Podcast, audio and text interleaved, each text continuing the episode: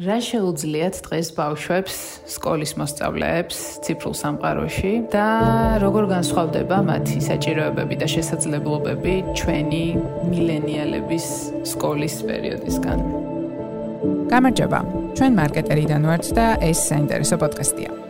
საინტერესო პოდკასტი შექმნილია ცოდნის და ცნობის მოყარე ადამიანებისთვის. აქ განსაკუთრებული ყურადღებით ვარჩევთ თემებს და გიყვებით აუცილებლად მოსასმენ ამბებს. პროექტის წარმოდგენია საქართველოს ბანკი.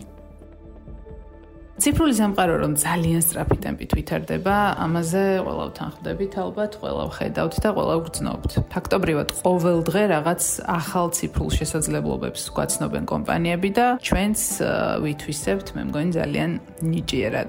ჩვენ ანუ მილენიალები, რომლებიც ეგრეთ წოდებული digital native-ობით არანაკლებ ჩამორჩებით ახალგაზრდებს, ანუ Gen Z-ს. თუმცა თუ გავიხსენებთ ჩვენ სკოლის პერიოდს და მილენიალ სკოლის მოსწავლეს შევადარებთ ჯენზის სკოლის მოსწავლეს, საკმაოდ დიდ კონტრასტებს დავინახავთ. მე მახსოვს, რომ მე 7 კლასში ვიყავი, პირველად მობილური ტელეფონი რომ აჩუქეს მშობლებმა, რომელიც იყო Bosch-ის, რაოდენ უცნაურადაც არ უნდა ჟღერდეს, თუმცა იმ დროისთვის ჩემი საჭიროება და მობილური ტელეფონის შესაძლებლობები ერთმანეთს იმთხოვდა და მხოლოდ დარეკვით და SMS-ის გაგზავნით ლათინური შრიფტით შემოვიფარგლებოდით.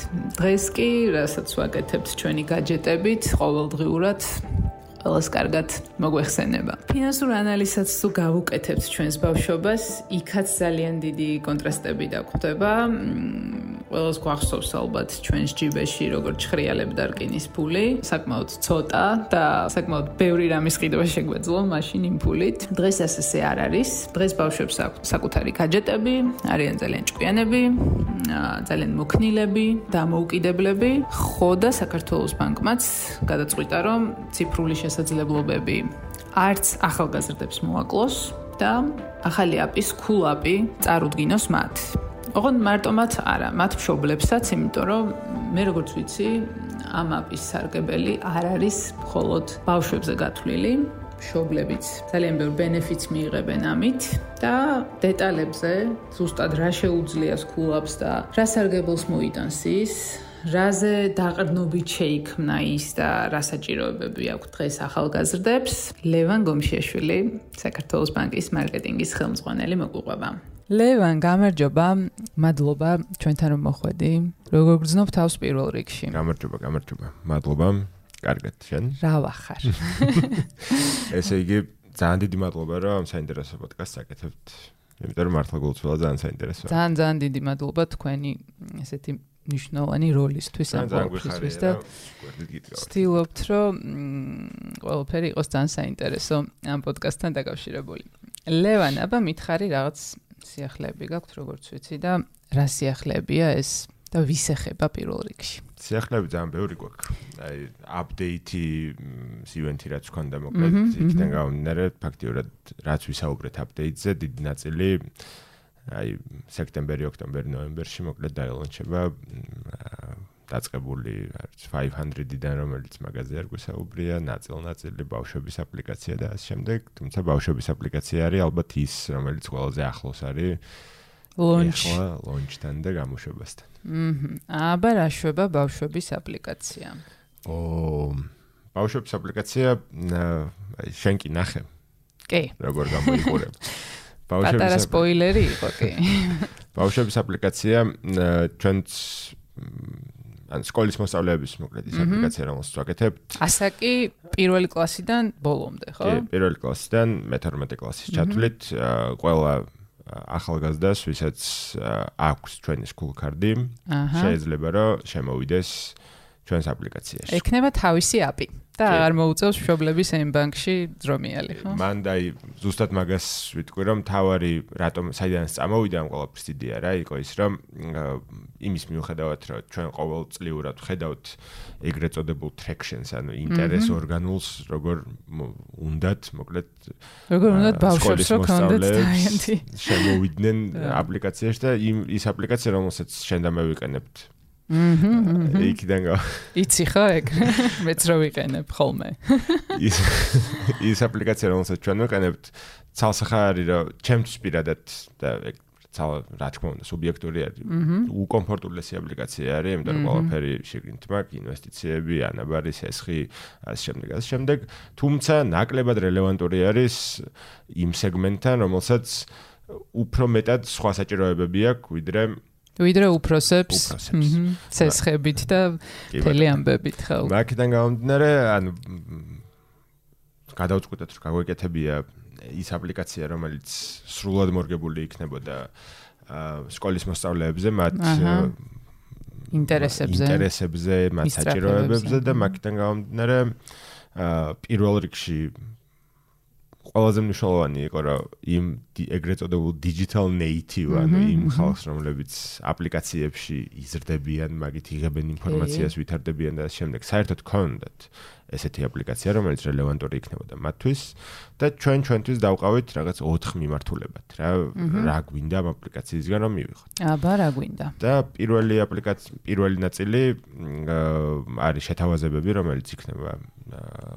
სკოლის მოსწავლეების განსაკუთრებით გვექნება, რა ვიცი, app only შეთავაზებები, school app-ი ერქმევა ამ აპლიკაციას და school app-ში იქნება ბევრი შეთავაზება ექსკლუზიურად, რომელიც სხვანაირად არ იქნება გამოყენებული და იქნება თავისი უნიკალური კოდები, თავისი უნიკალური ფრაზები ასე შემდეგ, როგორც უნდა გამოიყენონ და აა უკვე შემდეგ ეტაპებზე გვინდა რომ აა სამი ეტაპი რაც გვინდა რომ დავამატოთ, აა ეს იქნება განათლების ნაწილი და ფინანსური განათლების მათ შორის. აა ბავშვობიდან რო ვისწავლოთ როგორ დავაგროვოთ ფული. კი. ასე შემდეგ ხო? აა სოციალიზაციის ნაწილი და სოციალიზაციაში სალსახად არ გულისხმობ რომ ან ახალ TikTok-ს ვაკეთებთ ან ახალ Instagram-ს და ასე შემდეგ. აა ჩვენი საქმე ვიცით და მაგ ჭრილში გვინდა ზუსტად რომ აა დავაკმაყოფილოთ მოთხოვნილებასაც და გეიმიფიკაცია იქნება არის ბოლო ნაწილი. შეთავაზებები შეთავაზებები გეიმიფიკაცია, განათლება და სოციალიზაცია არის ის ეგრეთ წოდებული 4 პილარი, რომელზეც გვინდა ეს აპლიკაცია განვითარდეს. აა საჭიროება რომ დაინახეთ ამისი, ეგ ახსენე, მაგრამ კონკრეტულად ფუნქციონალები რა ჭირდებათ ბავშვებს, რა ფუნქციებით ისარგებლებენ, რა შეთავაზებებს მიიღებენ. აი ამ ინფოს და ამ ინსაიტებს საიდან კრებთ ხოლმე? ელაპარაკებით თვითონ ბავშვებს კვლევებს ატარებთ, ხო? ანუ სიახლოვეს ხართ მათთან, ხო? ესე იგი ამ აპლიკაციის კეთებისას ძალიან ბევრი აა 15-14 8 წლის 12 წლის ბავშვი გავიცანით ეგ ერთი მე მეორე თვითონ ვინც იყვნენ ჩართულები ამ აპლიკაციის ყოველდღიურ კეთებაში აა იყვნენ ზუსტად ამ თაობის წარმომადგენლები და ცალსახა არის რომ შეუძლებელია ყოველთვის რაღაც ცუდი გამოდის, როცა ერთ ოთახში იკრიბებიან სხვა თაობის წარმომადგენლები და სხვა თაობას რაღაც უკეთებენ და მე ხვდებიან, რომ აბსოლუტურად სხვა რაღაც გაუკეთებიან. თავიანთი სურვილებით რაღაც თავს მოხვევა ხდება ხოლმე ძირითადად ბავშვებისთვის. ეგ ძალიან ბევრ სხვადასხვა პროდუქტზე საქართველოსში და საქართველოს ფარგლებს გარეთ გვინახავს და მაგთან გამომდინარე პირველი ალბათ რაც ჩვენ თავს დაუსვით ამოცანად იყო რომ ე მოდი ეგ შეცდომა არ დაუშვით. კი. და მაგთან გამომდინარე მოусმინოთ ბავშვებს რა უნდა. ძალიან დიდი რაოდენობრივი და თვისებრივი კვლევები გავაკეთეთ. აა იქიდან გამომდინარე რომ ამ აპლიკაციაზე ფაქტიურად აა წელიწად ნახევარია მუშაობთ. ამ წელიწად ნახევრის განმავლობაში ამ სეგმენტის მოთხოვნილებებიც ასე თუ ისე შეიცვალა, შევისწავლეთ კიდეც და შესაბამისად რამდენიმე კვლევა დაგჭირდა ამაზე, მაგრამ კვლევას რო თავი გავანებოთ, ჩვენ გვაქვს აა ძალიან მაგარი UX ლაბორატორია, რომელშიც მოკლედ თითოეულ ნაბიჯზე ვატესტიებდით ახალგაზრდებს და ამ სეგმენტს ამ აპლიკაციას რა და ფაქტიურად საინტერესო იქნება ხო ანუ ბავშვებზე მორგებული UX-ი და UI-ც ხო? კი. რაც ნახე ძალიან ისეთი ფერადი, ლამაზი. მარტივი ტიპია, ხო? ხო, ჩვენთვის აი სიმარტივე ძალიან მნიშვნელოვანი იყო და ზუსტად ის რომ აი შეთავაზებები იყოს პირველ რიგში არის რომ აა განსაკუთრებით ხო, აი რაც პრიორიტეტი არის, ხო, შეთავაზებები. ანუ მან ძალიან მე მგონი ყველა ჩვენ ჩვენ შემთხვევაში ჩემი აზრით მოკლედ ყველაზე მნიშვნელოვანი ორი პროდუქტი რომელიც საქართველოს ბანკს აქვს არის school card და student card. და მაკედან მგონია რომ იწება მგონია ეგრე არის რა და შესაბამისად და მაგაში გაგვიმართლა და ეს სეგმენტი ან ამ სეგმენტის წარმომადგენლები მოკლედ ეკთაობა ძალიან ახლოს გვეთანამშრომლება და ხმარობს ყოველდღიურად ჩვენ პროდუქტებს პირველ რიგში ცალსახად გამომდინარე იქიდან რა ფასდაკლებების გვაქვს სატრანსპორტო სერვისებზე და არა მხოლოდ. და ჩვენ ყველა შეთავაზებაზე რა ძალიან კარგად ტრეკავთ იმას, მოკლედ როგორი სპაიკები აქვს მოხმარებაში ბარათებს რა და მაგიდან გამომდინარე ჩვენ ცალსახად აა ცალსახა იყო რომ პირველი ფუნქციონალი მოკლედ ამ 4 პილარიდან შეთავაზებები უნდა ყოფილიყო. აჰა. თვითონ ფუნქციონალი აპლიკაციის, აი რას შეძლებს ბავშვი, მშობლისთვისაც საინტერესო ალბათ რომ იცოდეს მისი შვილი რას შეძლებს ამ აპლიკაციის დამსახურებით. ესე იგი, აპლიკაციაში პირველ რიგში მშობლებს რაც ძალიან გაუხარდებათ არის რომ ბავშვები ერთი კლიკით შეძლებენ რომ ფულის მოთხოვნა გაუგზავნონ მშობლებს. დედა ფული ჩამირიცხე იქნება ერთი კლიკით, ხო? კი ბატონო.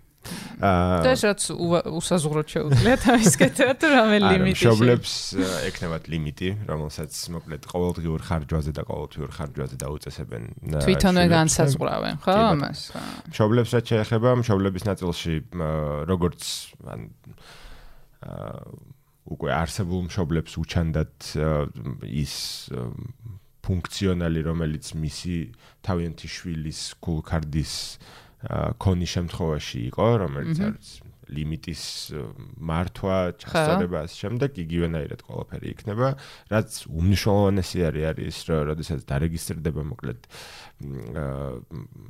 school card-ის მფლობელი მშობელს უბრალოდ თვითონ შეავსებს ყველაფერს და მშობელს თავის მობილ ბანკში მიუვა ერთი კლიკით ოკეით შეიძლება დაადასტუროს და გაუხსნას ყველანაირი წვდომა მობილ ბანკში და მხოლოდ მას შემდეგ რა მშობელი გაუხსნის მოკლედ ამ წვდომას შეიძლება აა სკოლის მოსწავლეს რომ მოკლედ ეს აპლიკაცია გამოიყენოს. თუმცა გადარიცხები ისევ და ისევ. შობელთან მეგობრებთან ყულაბა სკინების ცვლილება სტორების ნახვა და სტორების ბლოგებში გარდაქმნა ბილ სპლიტი რომელიც დიდების აპლიკაციაში ზოგადად შემდეგ ფუნქციონალობასაც მეც ძალიან კარგად ვიყენებ ხოლმე.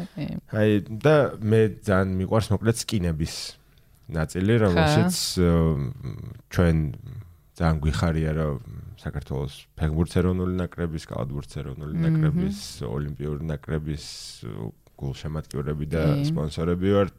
აი ამ აპლიკაციებიდან დაწყებული დამთავრებული ვართ გეიმინგით თუ თავისი არ სხვადასხვა მოკლედ ინტერესზე მორგებული სეგმენტით სკინების შესვლაც შეიძლება და ამ სკინებსაც გეგმავთ რომ რაღაცნაირად შემდგომში მე ისეთ limited edition skin-ები დავდროქოთ, კოლაბორაციები ვაკეთოთ და ასე შემდეგ.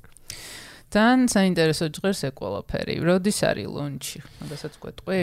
launch-ი ესე იგი ჩვენ თქვით რომ ახალი სასწავლო წლიდან, რომელიც ეხლა მოკლედ ახალი სასწავლო წელი ფაქტიურად დაწყებულია ყველა. ჩაშვებულია. ჩაშვებულია და ჩვენც ეხლა რაც ვაკეთებთ არის რომ ჩვენ გახსნილი გვაქვს ბეტა ვერსია რამდენიმე ასეული ადამიანისთვის, საიდანაც ვიღებთ ინსაიტებს ზუსტად იმიტომ რომ როდესაც ამ ყველაფერს დავლონჩავს და ეს აა ალბათ ეს პოდკასტი, როდესაც დაიდება დავლონჩილი იქნება. შეიძლება დაემთხოს ერთმანეთს. კი ბატონო, იმავე დღეს. და მაგიდან გამომდინარე ზუსტად ან მომდევნო ერთ კვირაში ადგეში მოკლედ დაუნჩილი გვექნება ეს აპლიკაცია. აჰა და iOS-ს, Android-ს ხელმისაწვდომი იქნება. ნეტა ბავშვებში როგორი სტატისტიკა არის, რომელ სისტემას უფრო იყენებენ? Android-ს. Android. მან ძალიან საინტერესო ის არის, რომ ამ კვლევაში მოკლედ ისიც შეგვიძლია ვთქვა, რომ კარგი კვლევები ჩაგიტარებიათ მოკლედ. 12 წელს ქვემოთ 80% ადამიანს არ აქვს smartphone და მხოლოდ 20%-ს აქვს, 12 წლის ზემოთ 80%-ს აქვს smartphone და 20-ს არ აქვს. ეს არის მთელი საქართველოს მონაცემები. ძროშის სტატისტიკა. და ძირითადად აქვთ ტაბლეტები, რომელზეც ასევე იმუშავებს ეს აპლიკაცია. და ეს ტაბლეტები სკოლებიდან დაწყებული მოკლედ და მაგიდან გამომდინარე არის ესეთ ხშირ მოხმარებაში მშობლების ტელეფონების გადალოცვა ბავშვებზე არის მოკლედ საიდანაც პირველი ტელეფონები აქვთ 12 წლის ზემოთ 12 წლამდე მოკლედ ახალგაზრდებს და Android-ი არის მოკლედ ესეთი უმეტესობა აპლიკაციების. ამ ტელეფონის გაჯეტების, ხო.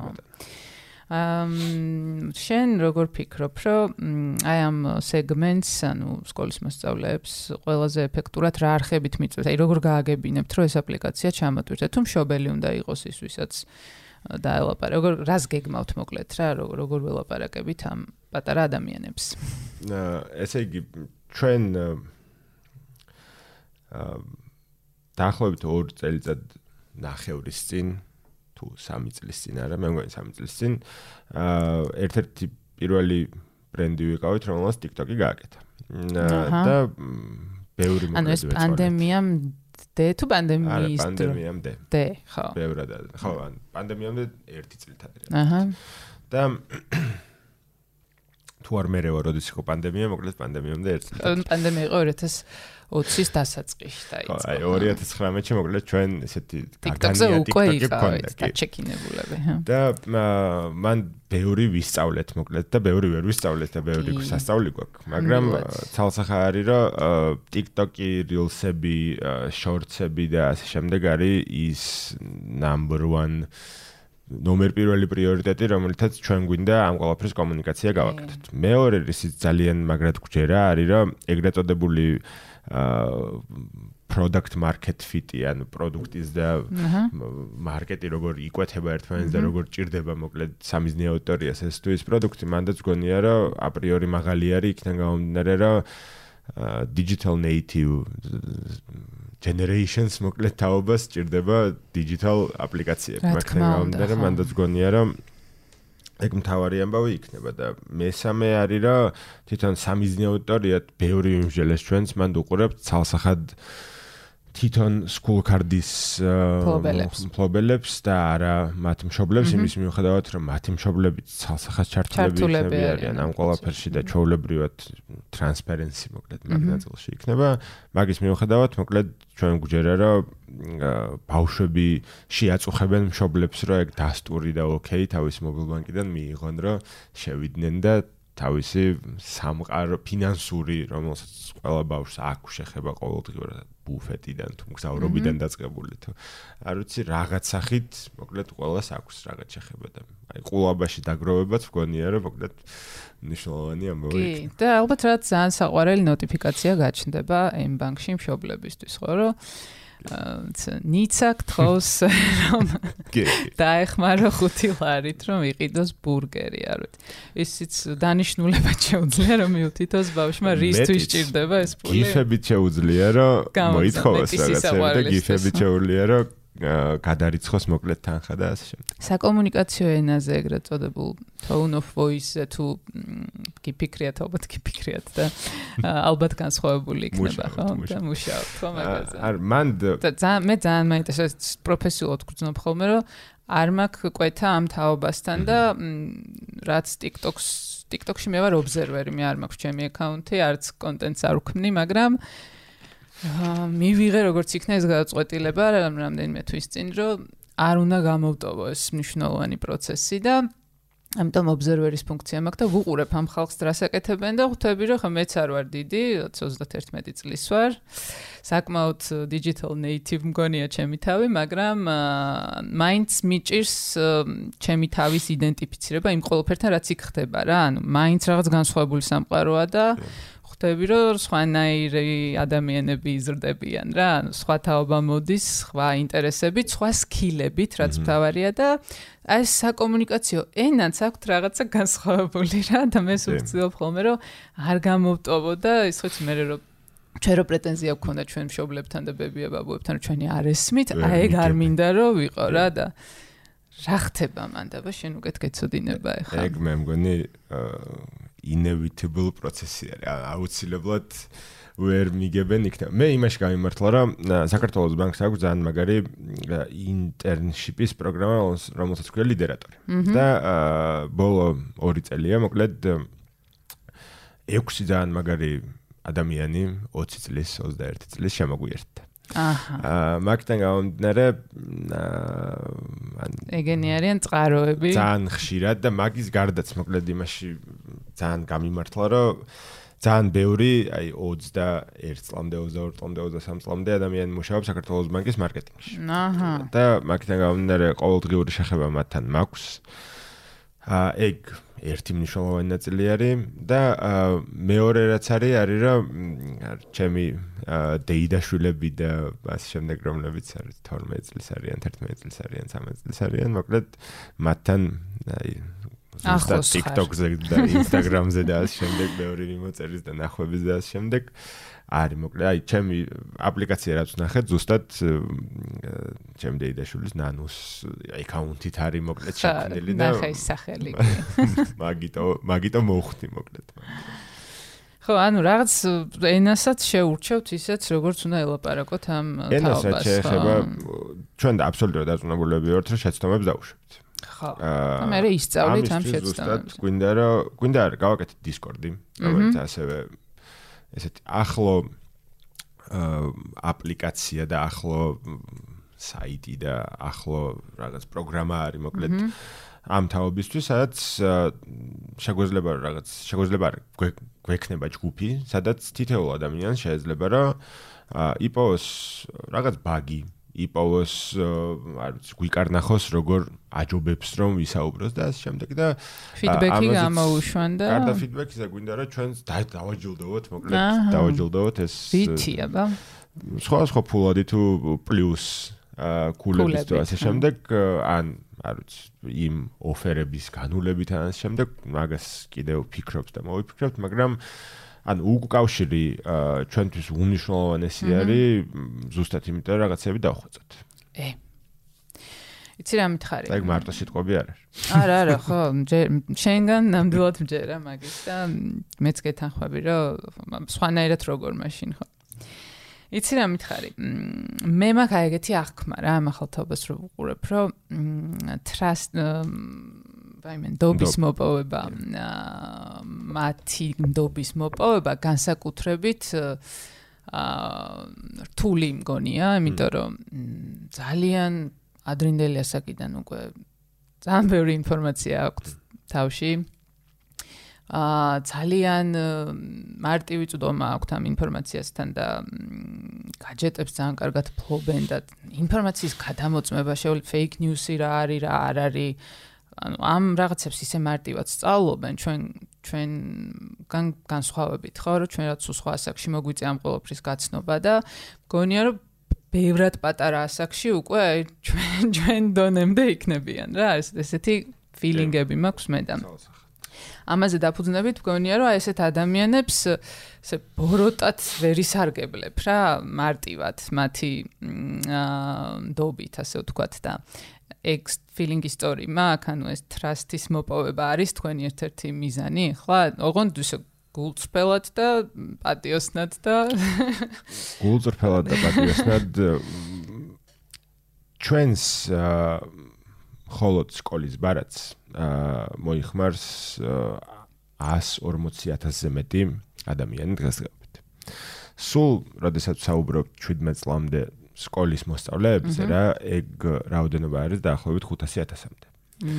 აა და მაგიდან გამომდინარე ის 140000 ეს ყოველთვიურ ციფრს ვიძახი. ხა, ან თვითონ ბარათი ბევრად მეც აქვს უნიკალურ მოხარებას. მაგიდან გამომდინარე ჩვენ რასაც ყოველდღიურად რა ღირებულებასაც ვქმნით. აჰა. თუნდაც ისევ და ისევ მხოლოდ სატრანსპორტო ფუნქციონალი რო ავიღოთ და შემდეგ მივამატოთ სხვა შეთავაზებები და შემდეგ მან გონია რომ დიწილად აა როგორც საბანკო ინსტიტუტს აა ჩვენ მათი ნდობა ფინანსური ინსტიტუტს კი ბატონო. ჩვენ მათი ნდობა მოპოვებული უკვე. აჰა ცალსახა არის რომ ნდობა არასდროს ან სეგმენტის 100% ნდობის არასდროს არ არსებობს. თუმცა ზუსტად იქიდან გამომდინარე რომ ძალიან პრაგმატული თაობა არის, ვიზეთ ჩვენ საუბრობთ რა. აა მათ არ ვიცი 2 და 3 კლიკით შეუძლიათ ყველანაირი ინფორმაცია მოიძიონ ნებისმიერ კომპანიაზე, ნებისმიერ ადამიანზე და ნებისმიერ აპლიკაციაზე თუ ფუნქციონალზე. ზუსტად მაგიდან გამომდინარე აა ჩვენ ძალიან ღია ვართ და ინტერნეტში მოვიძებნებით მოკლედ ჩვენზე ინფორმაცია მაგთან გამომდინარე. იგუგლებით. იგუგლებით კი ბატონო. მაგთან გამომდინარე ჩვენ გონია რომ ეგ პრობლემა ნაკლებად გექნებათ რა თქმა უნდა გვექნება თუმცა ნაკლებად რაც ასევე ოდნავ მას თავდაჯერებულობას მიჩენს მოკლედ ამ ყველაფერში არის რომ შენც იცი ფინანსურ ინსტიტუტებში მოკლედ ტარდება ბრენდის ინდიკატორი კვლევა ყოველ 6 თვეში ერთხელ და გარდა იმისა რომ ყველა სეგმენტში საქართველოს ბანკი არის top of mind ბანკი რომელიც პირველი გახსენდა სეგმენტ სეგმენტურად ზომავთ ხოლმე top of mind სრულად და სეგმენტურად საშუალოდ რაც უნიშნულოვანესი არის რომელსაც ყველაზე მეტად ყურადღებას ვაქცევ. ბოლო შედეგები როგორია? აი ამ სეგმენტში. ეგ არის? კი ბატონო. ან top of mind is usage it's ან გამოყენებაც ამ ბარათის და ბანკის სხვა სხვა სერვისების ისე იგივენაირად როგორც ნდობა და იგივენაირად რომელი ბანკი გახსენდება პირველი რა მან მოკლედ კარგად ვართ ამ მომენტში და მაგრად ხართ. უკეთ ან შეგვიძლია რაღაცების გაუმჯობესება და მაგისაც მუშაობთ. თუმცა ეგ რაღაც მეთავდაჯერებულობას მოკლედ გვაძლევს იმაში, რომ შეგვიძლია იმეგობროთ ამ სეგმენტს და კი ეს სეგმენტის გვენთოს. ამ სეგმენტის მომავალს როგორ უყურებ? ძალიან ისეთი იმედიად. ძალიან რიტორიკული შეკითხვაც რო არ გამომივიდეს და ვაკონკრეტებ, რომ აი კონკრეტულად ამ დიჯიტალ საჭიროებებში აი სადამდე შეიძლება რომ თქვენც რა სერვისები შეიძლება კიდე დაამატოთ და რა სურვილები შეიძლება აუსრულოთ ბავშვებს თუ გაქვთ ეს რაღაც long term გეგმა ასე ვთქვათ აა long term გეგმა გვაქვს მე სიმართლე გითხრა ეგ თუ დამპატიჟებთ მოკლედ ცალკე პოდკასტზე მოგიყვებით რაღაც ფუნქციონალს თუმცა აბა რა ფუნქციონალს? თუ არის შენ ამ ფუნქციონალს ესე გაჩვენებ სანამ ერთად. ოკეი შეხედვართ. აა რაც შეეხება აა დიჯიტალ გამოყენებას რა ანუ რა გვინდა რომ გავაკეთოთ. ეგ ეგ არის ჩვენ ახლა ყავს მილიონზე მეტი ყოველთვიური მომხმარებელი. და ეს მილიონზე მეტი ყოველთვიური მომხმარებელი რომელიც ჩვენს საბანკო აპლიკაციას იყენებს. აა ჩვენთვის ძალიან მნიშვნელოვანი ციფრი არის იქიდან გამომდინარე რომ ორი დაახლოებით 2 2.5 მილიონი ადამიანი არის ვინც ეგრეთ წოდებული bankable ან ბანკში აქვს ანგარიში. რაღაც ტრანზაქციებს აკეთებს. რაღაც ტრანზაქციებს აკეთებს და მათი მობილ ბანკში და დიჯიტალ სერვისებში ყოფნა უნიშნულოვანესი არის ცალსახად. აა რაც შეეხება ზუსტად იმიტომ რომ ჩვენ გვაქვს საქართველოს ბანკის ინსაიდერების ჯგუფი Facebook-ზე გავაკეთებთ ამ Discord-ის ეგ ჯგუფი უკვე არსებობს ინსაიდერების ჯგუფი? მე არ ვარ მათ. გთხოვ შემოგვიყვეთ. აა და ყველასგან მოკლედ ძალიან აქტიურად გულწრფელად ვიღებთ feedback-ს და ეს ან მე მაგალითად რო არ მუშაობდი საქართველოს ბანკში და გარედან უყურებდი ამ პროცესებს. სხვა სხვა ბანკებს და გარედან რო მუშაობდი სხვა ბანკებს მოკლედ მე ხო ხდები მართლა რო იწერებოდა რომ აი ადამიანმა ეს გვითხრა და ამიტომ გავაკეთეთ ეს. ერთი პოინტი რა და აი ზუსტად რო იცახელი და გვარი და რამდენმა ადამიანმა მოგთხოვა და საიდან და შემდეგ ეგ ჩემთვის ძალიან მაგარი სიურპრიზი იყო რა და ზუსტად მაგითან გამომდინარე ეხა ძალიან რთული არის იმის განსაზღვრა ეხლა ვინც 10 წლის არის აა ჩვენ ხელა რო იქნება მაშინ რა საჭიროება ექნება მაგრამ მე აბსოლუტურად არწმუნებული ვარ იმაში რომ ის ბაზისი რომელიც აა საქართველოს ბანკის გულწრფელად ძალიან მაგარმა დიჯიტალის გუნდმა ძალიან მაგარმა IT-ის გუნდმა და ყველა იმ ადამიანს რომელიც საქართველოს ბანკში მართლა ეხა მუშაობს და იმას ოსკარის ფიჩს არ ვიძახი. აა იმიტომ რომ ყოველთვიურად გვაქვს ხოლმე შეხვედრები მთელი ბანკის მასშტაბით სადაც იდეების მიწოდება ხდება მოკლედ რა შეიძლება გამომჯობესო დარწმუნებული ვარ რომ ამ ბაზის ბაზისზე იმ მომენტისთვის ძალიან რელევანტური ყველაფერი აშენდება, მაგრამ ეხლა რაც არის, ეხლა არის აპდეიტზე, რაც ვისაუბრეთ სხვა სხვა საბანკო პროდუქტები და როგორც ხედავთ მოკლედ აპლიკაციის გასუპერაპებას და მაგით როგორც გვინდა წავიდეს და შენც ესაუბრე ლევან ზუსტად ამ პოდკასტში.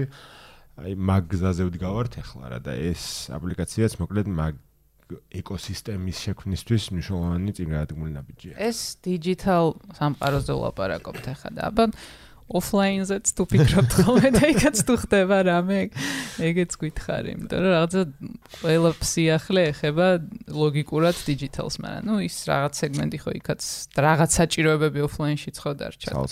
და ხდება აბა მანდ. აა ეს მგონია რომ რაღაც ხო იცი რო რო იცი არ რო კითხოს დაგისვა. მე მართლა ის კონდა რომ გუშინ ორ შაბათს და ოთხ შაბათს მოკლედ ქონდა ორი სხვადასხვა შეხვედრა იმასთან დაკავშირებით რომ ჩვენი მთელი მარკეტინგის გუნდი რომელიც არის ცალკე რიტეილს უყურებს და ცალკე ბიზნესს უყურებს იყვნენ სხვადასხვა რეგიონებში. კახეთშიც იმერეთშიც სამეგრელოშიც რა ქართულ კახეთში ასე შემდეგ იყვნენ სხვადასხვა ფილიალებში. ხუთი დღით ერთი კვირით ორი კვირის წასულები რა. და ფაქტიურად იქიდან წამოვიღეთ ძალიან ძალიან ძალიან ბევრი ეგრეთ წოდებული ინსაიტი და ან რა ხდება მოკლედ? ერთი არის ძალიან რთული არის ხოლმე რაღაც მენეჯმენტი როცა სადღაც ოფისში ზიხარ და იქიდან იყურებ რავი ეხა რა უნდა თუ რა რა პრობლემაა კი და თან შენ რთულია მაინც რომ შენი პერსპექტივიდან არიყურო ეგთან გამოხვიდე და შენი აღქმა რაც არის სამყაროსი როგორც მომხმარებლის გადმოსახედიდან ეს არ მოიხვიო თავს და მართლა რა ხდება და მართლა მოდი იმ ხალხს რა სჭირდება მაგაზე იყო ორიენტირებული. ძალიან ძალიან ძალიან დიდ პროფესიონალიზმს მოითხოვს ის რომ უბრალოდ გამო ან რა მართლა რა ხდება კი. ყველა სფეროში, სხვათა შორის, პოლიტიკაში. ყველგან ეგრეა ხო, რომ მართლა რა ხდება და არა ისო ჩემი ეგო რას მკარნახობს და მე რა სურვილები მაქვს და მე რა მგონია სწორი, რომელიც შეიძლება აი ძალიანაც დენილი იყოს ხოლმე რეალობას. და მარკეტინგ გამომდარე მოკლედ წავიდა ეს ძალიან მაგარი ხალხი ერთი 15 ადამიანზე მაქვს მოკლედ საუბარი და ძალიან სკელი პრეზენტაციებით მოკლედ ჩამოვიდნენ და გავიარეთ რა უნდა გავაუმჯობესოთ რა. რამდენ ხნიანი მივლინება იყო ეს? და ეს იყო საერთო ჯამში ერთი თვე იყო დაახლოებით, აი ფიზიკური პირების მარკეტინგის გუნდი. აჰა. როცა დაიწყო და დაამთავრა მოკლედ ეს მივლინების ნაწილი და ორი კვირა იყო დაახლოებით სამი კვირა ბიზნესის. და მთავარი მისია რა იყო? რომ ეს ინსაიტები მოეკრიბათ და ჩამეტანოთ. მთავარი მისია იყო ჩვენ როგორ შეგვიძლია ხო ან პირველ რიგში მისია იყო ჩვენ რო გვჯერა რომ არის digital friendly ასე შემდეგ ასე შემდეგ. ფილიალებში ხო დადის ხალხი რა და აბა ისინი რაზე დადიან? ან რა პროცესები შეიძლება გავაუმჯობესოთ რა ან როგორ შეიძლება რა.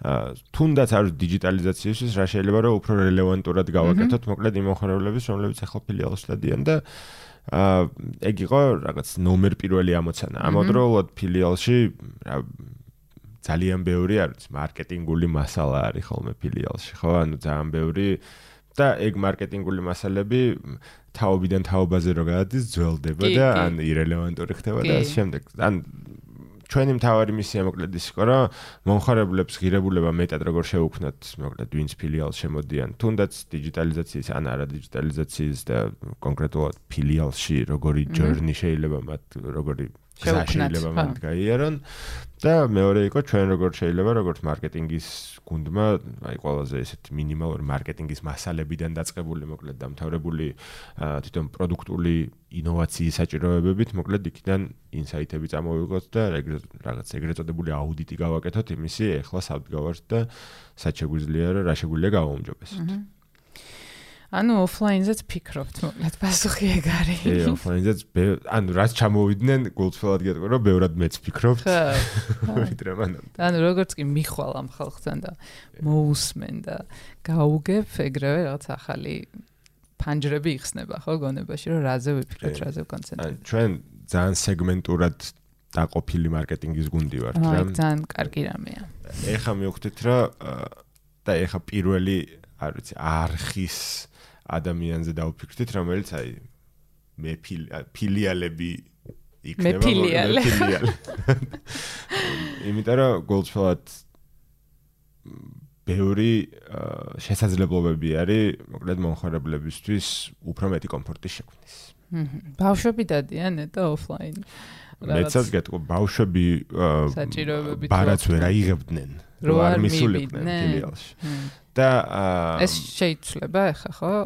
ეს ან როგორ იყო ნახე ორივე მშობელი უნდა მიგეყვანა.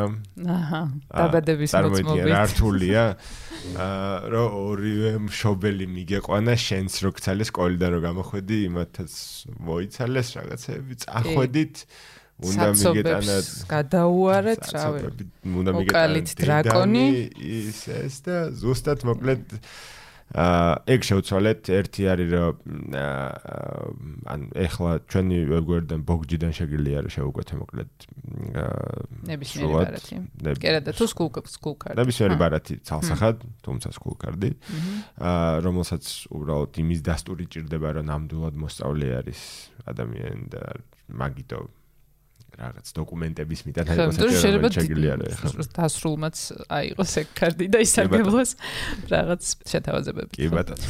და ეგ გასტორდა ეხლა იმას ვასწორებთ რომ მოკლედ თანხმობის მიცემა მშობლიდან შულზე მხოლოდ მობილ ბანკით იქნება შესაძლებელი და ცალსახა არის რომ იმ რეგულაციებიდან გამომდინარე რომელიც არსებობს თუნდაც დადასტურებიდან გამომდინარე იდენტობის დადასტურებიდან გამომდინარე რაღაცები შეგვიძლია კიდევ რომ გავამარტივოთ და მაგაზე ცალსახად მუშაობს, თუმცა ნამდვილად შემიძლია გითხრა, რომ 100%-ით რთული თუ იყო ამ ყველაფერზე გაკეთება, ეხლა 17% სირთულეზე ვართ და გვინდა რომ ნოლამდე დავიყვანოთ მოკლედ ეგ ძალიან მალე. ლევან, ესე იგი ეს ახალი აპი, რომლის სახელიც სკულაპი. სკულაპი იქნება, ხო? აა როგორც კარდი გვაქვს და სკულაპი იქნება. როგორც მე რა იქნება კიდე და შემდეგი რა რა სკულია. აა როგორც ბავშვებს გაუმარტივებს და გაუხალისებს ცხოვრებას, ასევე მშობლებისთვისაც ბევრი ბენეფიტია, ხო, მან დრო რაც უფრო მარტივად დაალაგებენ რაღაცებს ერთმანეთში. და ხელმისაწვდომი იქნება ძალიან მალე. ავტორიზაციის გავლაც მოხდება ძალიან მარტივად და მოკლედ მოემზადოთ ამ ძალიან საინტერესო სიახლისთვის. ეხლა ბოლოს კითხავ, შენ აი ამ ყველაფერს როგორ აღიქვამ რა? აი რა მისია არის ეს შენთვის რეალურად? გარდა იმისა, რაღაც რაციონალურად რო შევხედოთ, იქნება ძალიან კარგი პროდუქტი. აი ემოციურად ეს ყველაფერი რას გაძლევს? შენს პატარა სამყაროზე რო გვესაუბრო ემოციურზე და გაგვიმხილო შენი შენი ინსაიტებიც გვაინტერესებს. აა მე იქიდან გამომდინარე რა დასამალია და ჩვენ ამ პოდკასტზე ერთმანეთი არ გვიცნია. ნუ ხო და სამალი ნამდვილად არ არის. აა მე ყოველთვის ძალიან აა რამდენი წლის წინ გავიცანით ერთმანეთი? ერთი 2014 წელს მე მგონი. აი შენ ჩემზე უკეთესი მიხსიერება. არა, არა, 2012 წელს. 2012 წელს? ისიც ხო არ გახსოვს? რა რა ვითარებაში კი? არა, 2013 წელს JWT მეტროში გავიცანით. მართლა? აი მე თვითონ მიხსიერება მაქვს. აა ესე იგი ჩვენ რაზეც მე ძალიან მიხარია მოკლედ ახალი რაღაცების გაგება ხოლმე რა და მგონია რომ ახალ რაღაცებს ყველაზე ახალგაზრდა ადამიანები ყველაზე მალე იგებენ და მაგას რო გადმოგცემენ ძალიან მაგარი არის ხოლმე. ეს ყვების წყარო არის ხო ერთგვარი შენთვის. და ის რომ მოკლედ ჩვენ არსებობს იმის შესაძლებლობა აა რომ გავაკეთე ისეთი აპლიკაცია, რომელიც დაახლოებით 500000 აა 500000 ადამიანის ცხოვრება შეიძლება შეცვალოს და ზეგ შევიდეს. შეცვალოს შეიძლება ამ მომენტის ნაკლებად, მაგრამ გაამარტივოს, გაუმჯობესოს რაღაცები, ბენეფიტები მისცე ამდენ ადამიანს.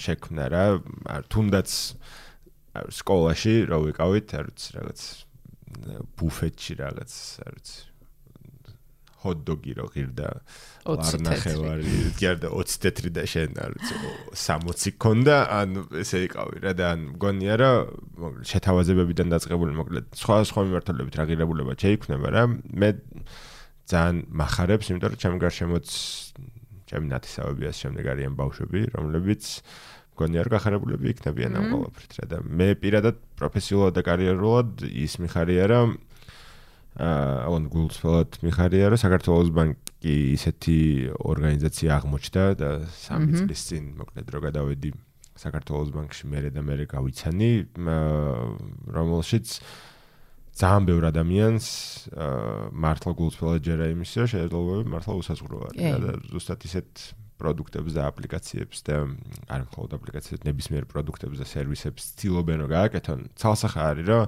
ყოველთვის მაქსიმუმზე არ გამოგვივა ის რაც გვინდა რომ გავაკეთოთ, მაგრამ ის რომ მოკლედ ჩვენ უმიზნებთ რომ მაქსიმალურად კარგი გვინდა რაღაც გამოვიდეს რა მგონია რომ კომპანიის ორგანიზაციის მასშტაბით გჯერათ ამის გულწრფელად. კი, კი, კი. რა ძალიან ძალიან ესეთი ძალიან წმინდა სეგმენტი არის იმ ჭრილში, რომ შენც ახსენე არ ვიცი, სესხი ანაბარ საბლანკო, აი რაღაც სხვა სხვა პროდუქტები რა.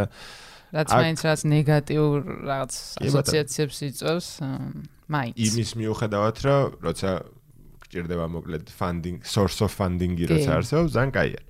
და გააჩნია რა თქმა უნდა როგორ იყენებ მაგ მაგრამ ეგ კიდე ცალკე სასაუბრო ამბავი არის. აქ გონია რომ ძალიან ესეთი ეგრეთ straight forward ამბავი არის რა რომ აგერ ღირებულება, აგერ შეთავაზებები, აგერ არის რაღაც გეიმიფიკაციის ელემენტები, აგერ აპლიკაცია, აგერ ძალიან დიდი benefit და ფასდაკლება მგზავრობაზე. ყველაფერი ის რაც დღეს შეიძლება ბავშვს ჭირდებოდეს და აინტერესებდეს ხო. განსაკუთრებით აი gaming სამყარო ალბათ ძალიან მნიშვნელოვანი წამყვანი ფილარი იქნება თქვენთვის ხო? მე მე მან ცალკე ჩემ ჩემი სამყაროდან გამომდინარე მოკლედ ხო ცოტა ჩემი სამყაროც არის გამომდინარე მაგითო ჩემი წარსული არა რაღაც მოქმედი ბექგრაუნდი მაინც უკავშირში არის ხოლმე გეიმებთან და ვერ გამოვედი მაგეთან არ მეგონი არც მინდა რომ გამოვიდე. კაი, მაშინ ერთს მეც გითხავ. ეხა გითხარი რა თამაშს გვირჩევ ერთს. აა ვის ჩვენ ჩვენ ხელებს? ყველა გისმენს ხო? ეხა აქტიურად თამაშობ FIFA-ს. დღე გუშინ გამოვიდა ახალი ხო? აა ახალს არა PlayStation 4-ზე ვთამაშობ და ჯერობით იქ ვარ, მაგრამ ხო გუშინ გამოვიდა თუ ახალი, ამიტომ არ ვიცი. და არის ესეთი თამაში კიდე Horizon-ი. მმ კი. RPG თამაში არის და ძალიან ესეთი დიდი გამოწვევა, იმიტომ რთულია და ძალიან ვერთობი ხოლმე მაგით, რომ აი მარტივად რო ვერ ხურავ და თან რო ძალიან დიდია და მთელი ცხოვრება რო თამაშობ და სულ რაღაც ჩელენჯები რო გაქვს და ფიქრიც რო გჭირდება და სტრატეგიაც რო გჭირდება და მოკლედ მაგას ვსკირჩევდით ყველას. მოკლედ Horizon. Horizon ძალიან კაია. თან რაღაც ისეთ სამყაროა. აა ფუტურისტული და აი კაც რაღაც digital gadget-ები გაქვს და ისე აკეთებ რაღაცებს პატარა device-ებით და მართავ სამყაროს და საინტერესო არის. კიდე რამე კითხვა ხო არ გაქვს ჩემთან. ძალიან დიდი მადლობა. კიდე რამე თუ დაგჩასათქმელი მოგისმენ თუ არა და დაგემშვიდობები. არა ძალიან კარგ და საყვარელ ნოტაზე. ძალიან დიდი მადლობა. რამე ხო არ გამოგვრჩა აპლიკაციაზე სათქმელი? თუ გამოგვრჩება დავამატებთ მე დიჯიტალ არხებში ხა სადმე ვიტყვი ძალიან დიდი მადლობა ლევან აბა შენცი ბევრი წარმატება, შენც და საქართველოს ბანკსაც და სკულაფსაც და ბავშვებსაც. არა, მიდოდეთ იქ დამელი. ხარ, აი არ გაჩერდეს რაიმე ინტეგრაცია ხო არ მოხდება ამ სეგმენტთან და ამ პროდუქტებთან. არ გაჩერდე. იმიტომ რომ ბავშვებს განსაკუთრებით ძალიან ჭირდებათ ხო ეს რაღაც мотивაციის მიცემა მუდმივად და ამ განვითარების ეტაპზე რომ სულ გამხნევო და სულ წინ უბიძგო და არ გაჩერდე იქნება იქნება რა არ გაჩერდე არის საქართველოს ბანკის მოკლედ მოტო და ისიც ჯერა ხა შესაბამისად ეგ ყველა სეგმენტზე იქნება და ყველა სეგმენტზე გვექნება ცალსახად ეგ ამბავი პლუს მაგას ან მალე იქნება სკინიც რომელიც არ გაჩერდა სკინი იქნება აჰა აჰა და კაი კაი მადლობა და დროებით შეხვედრამდე. მადლობა. თქვენ უსმენთ საინტერესო პოდკასტს პროექტის წარმოდგენია საქართველოს ბანკი.